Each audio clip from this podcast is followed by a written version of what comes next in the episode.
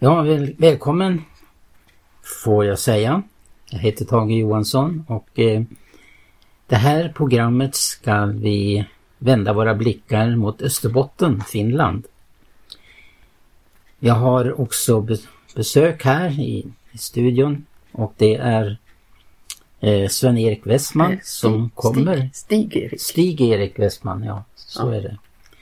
Eh, kommer ju från eh, just de här trakterna som vi ska eh, ta upp här med anledning av en bok som är utgiven som eh, eh bland annat de dramatiska händelser i samband med baptisternas väckelserörelse. Och den här skriften då den eh, är ju en förkortad version av vad som tidigare har getts ut. Den har getts ut tre gånger. Källor i Tåredalen heter boken. Och det handlar då alltså om väckelsehistoriska drama i Österbotten. Och du Stig-Erik, du kommer ju därifrån Österbotten. Ja, det stämmer det. Från ja. en liten stad som heter Jakobstad. Och de här orterna som nämns i den här boken ligger ungefär en 10 mil, 11 mil söder om Jakobstad. Ja. Är det Vasatrakten då? Det är Vasatrakten, de här små byarna ligger omkring. Ja. Förlaget som har gett ut den här, den ligger i Malax. Bert Lins förlag. Stämmer ja. och jag känner också han som har redigerat den här boken. Ja, ja. Det ska handla om eh, en väckelsepionjär, Erik Jansson. Och vi ska faktiskt läsa ett kapitel ur den här boken eh, som eh, eh, åskådliggör hur situationen kunde vara för baptisterna på slutet av 1800-talet. Det handlade den här skriften om. Hur eh, mycket svåra förföljelser ägde rum i samband med att man mm. eh, upplevde att eh, man ville ta det här steget och det gällde dopet till Kristus. Det var ju en väldigt viktig sanning och man fick ju lida väldigt mycket för att man gick dopets väg. Och det var inte man såg med blida ögon på baptisternas framfart. Men eh, det var ju en väckelserörelse där märkliga ting hände. Och jag ber Stig-Erik först att läsa baksidan av boken. Som sagt var så handlar det om Erik Jansson och hans fru då Marta. Ja, då läser vi så här baksidan då på den här boken. När vildsinta karlar börjar riva ditt hus medan hustru och barn ännu sover i kammaren, när blodtörstiga män anfaller dig och dina kompisar med stockar för att spränga dörren där ni söker skydd. Först då vet du vad Erik Jansson fick vara med om i ett banbrytande väckelsearbete i Österbotten under en orolig tid. Det var under senare delen av 1800-talet och första delen av 1900-talet som de frikyrkliga rörelserna bröt mark i de svensktalande bygderna i Finland, Petalax, Malax, Tölby, Pörtom, Övermark och Närpes är orter som omnämns i denna spännande bok där Erik Jansson är huvudpersonen. Jansson, sjömannen som blev frälst i Amerika och återvände till hembygden som fri predikant, berättar själv i denna tidsstudie vart priset kunde bli för ett frimodigt kristet vittnesbörd. Den profetiska tonen finns också med i boken, där Pörtonbon Söderman får uppenbarelser angående Jesu andra tillkommelse. Jansson ger senare ut en skrift i ämnet strax före sin död. Anmärkningsvärt i sammanhanget är hur nämnda Söderman ser judarna som ett nyckelfolk i tidens avslutning. Både han och Jansson var för länge sedan sedan döda när staten Israel återuppstod i maj 1948. Det här är intressant att eh, eh, som man ofta stöter på ifrån väckelsetider just att Israel är en väckarklocka, en profetisk klocka på den profetiska himlen, som man brukar säga. Och eh, Jesu tillkommelse, det eh, tonas fram i forna väckelserörelser. Så långt som tillbaka till eh, 1400-talet kan man eh, få uppgifter om att man eh, talade om Jesu tillkommelse.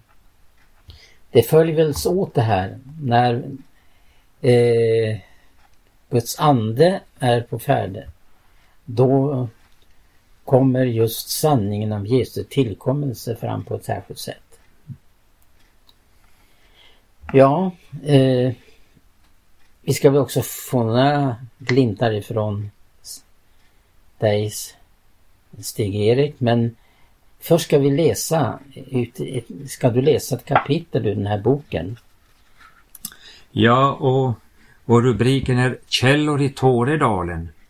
Och denna handling som jag nu enligt Guds andes ledning hade utfört gjorde ej slut på motstånd och prövningar utan tvärtom stegrades, såväl med hänsyn till min religiösa ståndpunkt som och med avseende på min ekonomi. De vänner vilka före mitt dop skulle varit villiga att uttaga sina ögon för min skull visade nu vid min återkomst ett annat sinne. De mest framstående bland dem blev mina fiender, och då jag ej var beredd på motstånd från detta håll eller prövningar av sådant slag fick jag även därav en hård stöt.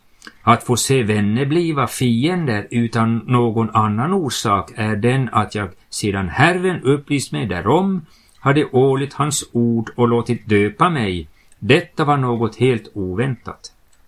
Vid denna tid bodde jag ännu med min familj i övermarken, där jag då hade bott nästan under ett års tid. Men nu måste vi lämna även detta lilla boningsrum. Jag hörde då efter husrum i min hembygd i Petalax och fick löfte att bo i en liten stuga som tillhört min broder J. Och all den stunden icke skulle rivas eller flyttas för den följande vår, så skulle vi få bo där över den då den tillstundande vintern. På hösten 1881, det vill säga samma år som vi i januari månad kom till övermarken, flyttade vi igen till min hembygd i Petalax. Men även här såsom på andra ställen hade fiendeskapen tilltagit sedan det blivit känt att jag låtit döpa mig och till följd av den brytning som ägde rum med det andliga mörkret, vilket i synnerhet härskade i dessa nejder, blev även de unga och oerfarna Guds barn som fanns här lika som förbryllade och fientliga mot mig. Dock härledde sig deras fiendskap huvudsakligast från en ond arbetare SJ, som kom hit vid denna tid, men vilken sedan, sedan hans slämma och oskyska leverne blev känt reste till Amerika. Denna tid hade jag få, få vänner här. Det tycktes bliva trängre för varje dag och nästan omöjligt att kunna fortsätta arbetet. Hade jag fått så tydlig och bestämd kallelse att predika Kristus och honom korsfäst under mitt återstående liv för detta folk, så hade jag häravid återvänt till Amerika. De otrogna började nu även få goda förhoppningar om att detta skulle ske. Jämte det att man av alla blir betraktad som ett avskrap och ett vidunder saknas även mat och kläder både för mig själv och familjen. Slutligen hade jag icke något ombyte av underkläder till att tillgå utan måste under det min hustru tvättade hålla mig i sängen. När vi hade bott några veckor i den förutnämnda stugan väcktes vi tidigt en morgon av brak och dån på taket. Jag klädde mig skyndsamt och gick ut för att se efter hur saken förhöll sig och fann då, två, då att två karlar höll på att bryta sönder och riva taket, som redan till hälften var avtaget. Då jag frågade efter orsaken varför de gått tillväga på detta sätt och ej underrättat mig, fick jag under männens skämt och åtlöje höra att huset skulle genast rivas och flyttas bort och om jag ej skyndsamt förde ut mina saker skulle dessa begravas under sand och mossa som störtades ner från vinden. Det lönade ej att göra något invändning och jag hade icke något val. Utan att veta vad jag med hustru och barn skulle få hus till kvällen måste jag foga mig efter det obarmhärtiga beslutet. Livligt kom Paulus ord för mina tankar och han säger, ty mig tyckes att Gud har framställt oss såsom de allra ringaste, såsom till döden dömda, ty vi har blivit ett skådespel för världen, både för änglar och människor. Sedan jag hade för, fört ut våra saker i snön drog jag mig undan i den närliggande skogsbacken för att framlägga min nöd inför Herren, ty inom kort skulle även hustru och barn stå ute den kalla vintern utan tak över huvudet. Sedan sprang jag till en broder ML som var bosatt en halv kilometer därifrån för att tala om händelsen för honom och möjligen i min nöd er, erhålla någon hjälp. Men denne hade blott ett enda rum och kunde följaktligen med bästa vilja inte inrymma oss i sitt hus. Och vid min återkomst fann jag min hustru ute i hållande det yngsta barnet, vilket var 14 dagar gammalt, i sina armar med de tre andra omkring sig gråtande. I denna belägenhet befann sig det i flera timmar under det att jag på alla håll sökte få något boningsrum eller att få flytta in hos någon. Detta tilldragelse beredde fienderna mycket glädje. De tyckte sig tydligt se att jag hade Gud emot mig. Och även jag borde nu åtminstone komma till insikt därom och sålunda överge denna väg samt företaga något nyttigt arbete. Detta var den 5 januari 1882, eller trettondagsaftonen. Först mot kvällen fick vi efter många försök att få komma in någonstädes flytta in i en liten stuga vilken hade stått tom en längre tid. Här bodde vi tills dess vi i december 1883 fick flytta in i det under tiden uppförda Åmossa bönehus.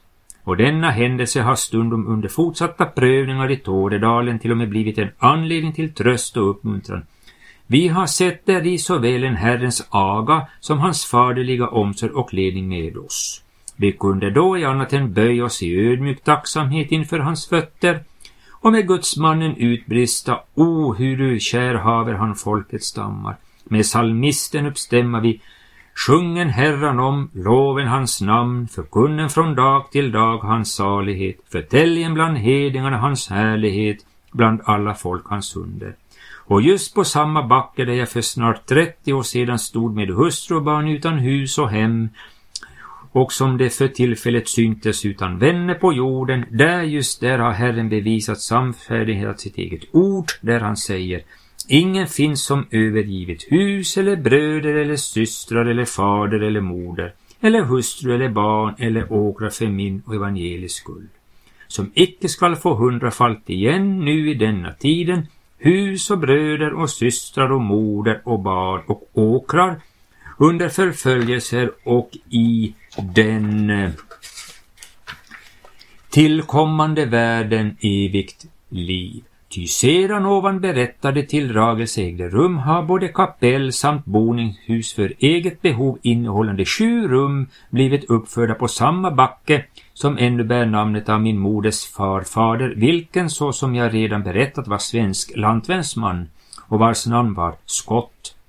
Herren har verkligen utfört under på denna plats och där vid några år förut stod husvilla har hundraden blivit härbärgerade och mättade och vad mera är, födda på nytt till ett levande hopp samt bespisade med livets bröd.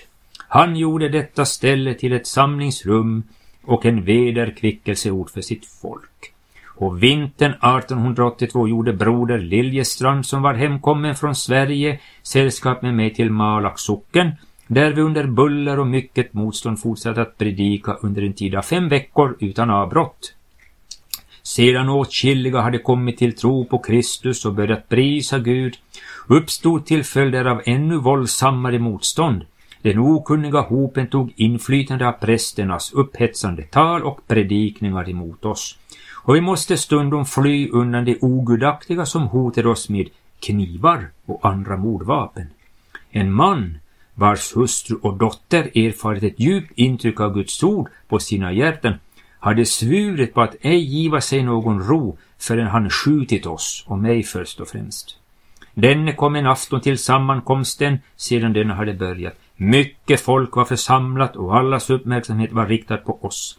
Stilla och obemärkt öppnade han dörren och riktade sin pistol mot oss. Han tryckte av två gånger. men lyckligtvis brann ej skotten av. Vi anade inte ett ont förrän vi hörde flera personer i förskräckelse upprepade gånger ropa de sju, skjuta predikanterna. När mordängeln märkte att hans plan hade misslyckats drog han sig hastigt tillbaka ut i mörkret men blott för att bereda sig för ett kraftigare anfall. Han skyndade åstad till någon av sina likasinnade och fick nu låna en revolver med sex skott. Och just när folket började lugna sig och jag skulle fortsätta med predikan infann sig han åter i, sin, i avsikt att fullfölja sin onda plan. Men då rummet var till trängsel uppfyllt av folk och många stod tätt in vid dörren så kunde han ej denna gång öppna den utan att genast bli upptäckt och innan han blev i ordning att skjuta ropades det ”Nu skjuter han igen”. Varnande detta rop böjde vi oss genast ned mot golvet så att han ej kunde se oss för folket. När det sålunda inte lyckades för honom att i smyg utöva sin avsikt sökte han med våld tränga sig fram till oss. Men då folket naturligtvis hindrade honom uppstod en häftig kamp. Stolar och annat som folket hade suttit på användes mot honom med den framgång att han måste draga sig tillbaka, varefter dörren stängdes. Sedan hängde man filtar och fälla för fönstren så att han ej skulle se skjuta genom dem. Efter att dessa försiktighetsmått vidtagits fortsatte sammankomsten vilken den afton blev till stor välsignelse och upplysning för folket. Om prästerna ej direkt hade uppmanat till sådana våldsamheter mot oss, så var det dock allmänt bekant att denna man och alla hans liksinnade stallbröder som förföljde oss hade prästerna på sin sida och understöddes av dem. Personer som hade de allra bästa föreställningar om den kristendomen vilken de trodde sig äga inom statskyrkan vaknade härvid till eftertanke och kom till insikt om att det ej kunde vara en sann levande kristendom som gillade och försvarade förföljelser och våldsamheter. Ja. Det här var eh, hämtat ifrån den här boken Källor i Tåredalen. Ja, från väckelsetider då i, i Österbotten, Finland. Det finns ju andra kapitel i den här boken som också talar om eh, hur för, förföljelser och svårigheter drabbade baptistfolket. Och eh, det var ju också ifrån kyrkorådet i Närpes till exempel, domkapitlet i Åbo och eh, med mera. Vad fanns kampen mot de kyrkliga lagar? Fick man också beräkna med att om man skulle gå trons väg och komma i konflikt med. Och eh, det här var alltså en väckelsepremiär. Eh, hans namn var ju Erik Jansson. Han blev till stor välsignelse men fick genomgå många svåra ting på grund av sin tro och eh, förkunnelse. Ja, det, det här var på 1800-talet. Men eh, hur är det idag? Vi kan väl få se det här upprepas på ett annat sätt idag. Men eh, kampen fortsätter. Och den här Erik Jansson han skulle gott och väl kunna tillfogas eh, då man läser Hebreerbrevet 11 om troshjältarna som i, inte vek tillbaka på någon punkt. Man till och med lät sig läggas på sträckbänk utan att begära någon lindring eller befrielse. Man eh, till och med eh, lät sig beröva sina egodelar med glädje kunde man göra detta. Det här är ju verkligen någonting som eh, kännetecknar Eh, pionjärerna från forna tider. Och det här var då alltså från skildringar från 1800-talet. Och det berodde ju på att eh, man såg det så viktigt att gå dopets väg. Det, det, det var det som konflikten bestod i att man, man eh, hade i den baptistiska väckelsen funnit eh, var Bibeln lär om dopet. Troende dop. Och det kommer i konflikt då med läran om barndop. till Exempel.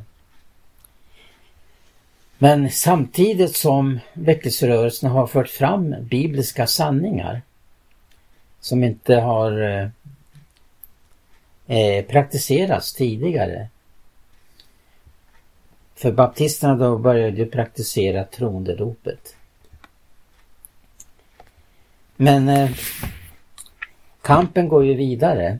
Idag handlar det inte om kampen för dopet eh, på det viset. Men eh, det finns ju den här kampen idag att eh, hålla fast vid vad e- Efesierbrevet säger om att det finns bara ett dop. Idag kan man ju välkomna också de som är barndöpta fullvärdiga församlingsmedlemmar. Det är ju ett väldigt tydligt tecken på avfallet, hur det bringade. Hur det eh, idag eh, mer och mer blir uppenbarat i olika församlingar och kyrkor. Ja du Stig-Erik. Eh, du har ju upplevt att Gud kallade dig till uppbrott. Det hör väl ihop med, med eh, att vara en väckelsepionjär, att man är med om ett uppbrott. Kan du berätta lite om hur du fick uppleva det? Jo, jag kan... Var det någon människa som övertygade om det, att du skulle bryta upp eller? Ja, alltså det var så fint att jag kan bara kort och kortfatta att 1997 då jag var då återkommit tillbakas. Jag hade varit borta från Gud i tio år. Och sen 1997 fick jag då förmånen då att besöka Maranata församling i Stockholm, en sommarkonferens, avslutningshelgen. Och redan där kände jag ju det här kallelsen att kanske bryta upp i och med att jag hade jobbat över 12 år i den tung, tunga metallindustrin och börjat fråga många, tänk, tänk som för mig själv att hur ska jag hålla på med detta eller har du någon annan plan för mig? Och jag jobbade ju tre skift och det var mycket tufft. Och jag började känna att jag började må sämre och sämre. Men då tackar jag Gud att jag fick besöka då konferensen 1997. Jag var ju med då möteshelgen och avslutningshelgen. Sen var jag där två veckor och hjälpte till. Och då började jag se att Herren talade till mig att kanske du behövs här i Stockholm. För jag gick nämligen runt omkring på området där och tittade att där saknades det hjälp. Och då började jag bedja till Gud att kanske du har en annan plan för mig. För jag hade ju ett fast arbete, jag bodde fortfarande hemma hos mina föräldrar, jag hade gått och tryckt och... Men jag tänkte att Herre, är det din vilja så önskade du att få ett tilltal. Och ett år gick. Sommaren 98 återvände jag då 1998 till Stockholm då. Och det var jag då med hela konferensen och jag vittnade på en del möten och gjorde mycket praktiskt arbete och, och då började jag nog inse mer och mer och mer att kanske det var dags att bryta upp från det här monotona fabriksarbetet. Det var ju stressigt och det var tufft och, och så vidare. Det kan vi tillägga då att det var ju Maranataförsamlingens sommarkonferens. Var, ja. var det första besöket? Det var första besöket då 1997 och sen blev det då 1998 hela sommaren då. Och då började det bli mer klart och klart för mig att nu kanske är det dags att bryta upp och börja hjälpa församlingen både med andligt och praktiskt arbete. Och kort, kortfattat då, sen när jag kom hem från det här Stockholm då sommaren så låg jag och sov i min säng. Jag slöt mina ögon och så såg jag en syn och hörde en röst. Kom över till Stockholm och hjälp dem. Och det bestod, mm. det var det tecknet från vår himmelske fader att jag skulle draga ut från, som man sa, mitt faders hus och allt. Och visst hade jag ett bra jobb. Jag hade många vänner och gott ställt men jag tänkte att nu har jag en chans att få se om det verkligen var sant. Att det var ett uppbrott som jag gjorde. Och till slut stämmer det ju att det var min att jag skulle göra det här uppbrottet. Och, Ja. och kort, kort, kortfattat bara, nu har jag varit 25 år med i gemenskapen. Hur mottogs det här steget du tog? För det, var Ja, ju, det är ju ganska om... Ja, klart att det blev, det blev ju mycket, det var kämpigt, mycket kamp det här första året. Men sen så började ju mina föräldrar och vänner komma och besöka oss och Ja. insåg de att jag hade gjort rätt val. Men jag kan säga det var tufft första tiden. Oj, oj vad det var tufft. De, men, de, de kunde inte förstå nej, dig. nej, men jag kände att jag orkade inte på fabriken och, och jag insåg att fick jag något nytt uppdrag så vet hur skulle jag klarat mig. Men nu har jag varit 25 år med i Maranataförsamlingen och fortsättningsvis med. Det här är väl någonting som eh, har präglat eh, rörelsen Maranata. Att eh, tiden är kort. Och eh, man måste bryta upp. Och eh, satsa på Guds rike. Precis. Eh, och det kan ju vara så här att man begränsar det här. Men Gud vill ha oss helt i Precis. sin tjänst. Rätt. Eh, därmed menar jag inte att man inte kan ha ett profant arbete men Gud vill någonting mer. Precis. Och eh, Gud vill i, Mm. upple- Gud vill ha ett folk, ett frigjort folk som verkligen hör Mm. honom till i efterföljelse. Mm. Och eh, det här är ju en dårskap för världen. Precis. Och det har ju alltid varit så att man inte man har eh, inte förstått den som helhjärtat vill vara en Jesu efterföljare. Mm. Och det, eh, det, det är ju i grund och botten så är det ju eh, att förstå vad Guds rike är. Mm. Att det är att det är någonting som inte eh, kan eh, dirigeras utav den här världen. Utan eh, det blir ett, eh, ett folk som blir föraktad och förföljd. Och det stämmer också bra med det som vi har tagit del av här från baptisternas väckelse i Österbotten. Vi får ju verkligen uppleva att eh, det blir allt trängre i den här världen. Och därför behöver vi uppleva Noa som vårt föredöme. Han var med om verkligen ett uppbrott han. Ett uppbrott. Och eh, det har också talat till oss många gånger Mm. i, i eh, väckelseatmosfären vi har upplevt i Maranata. Tack Stig-Erik att du var med. Tack. Dig. Tack, tack. Återhörande.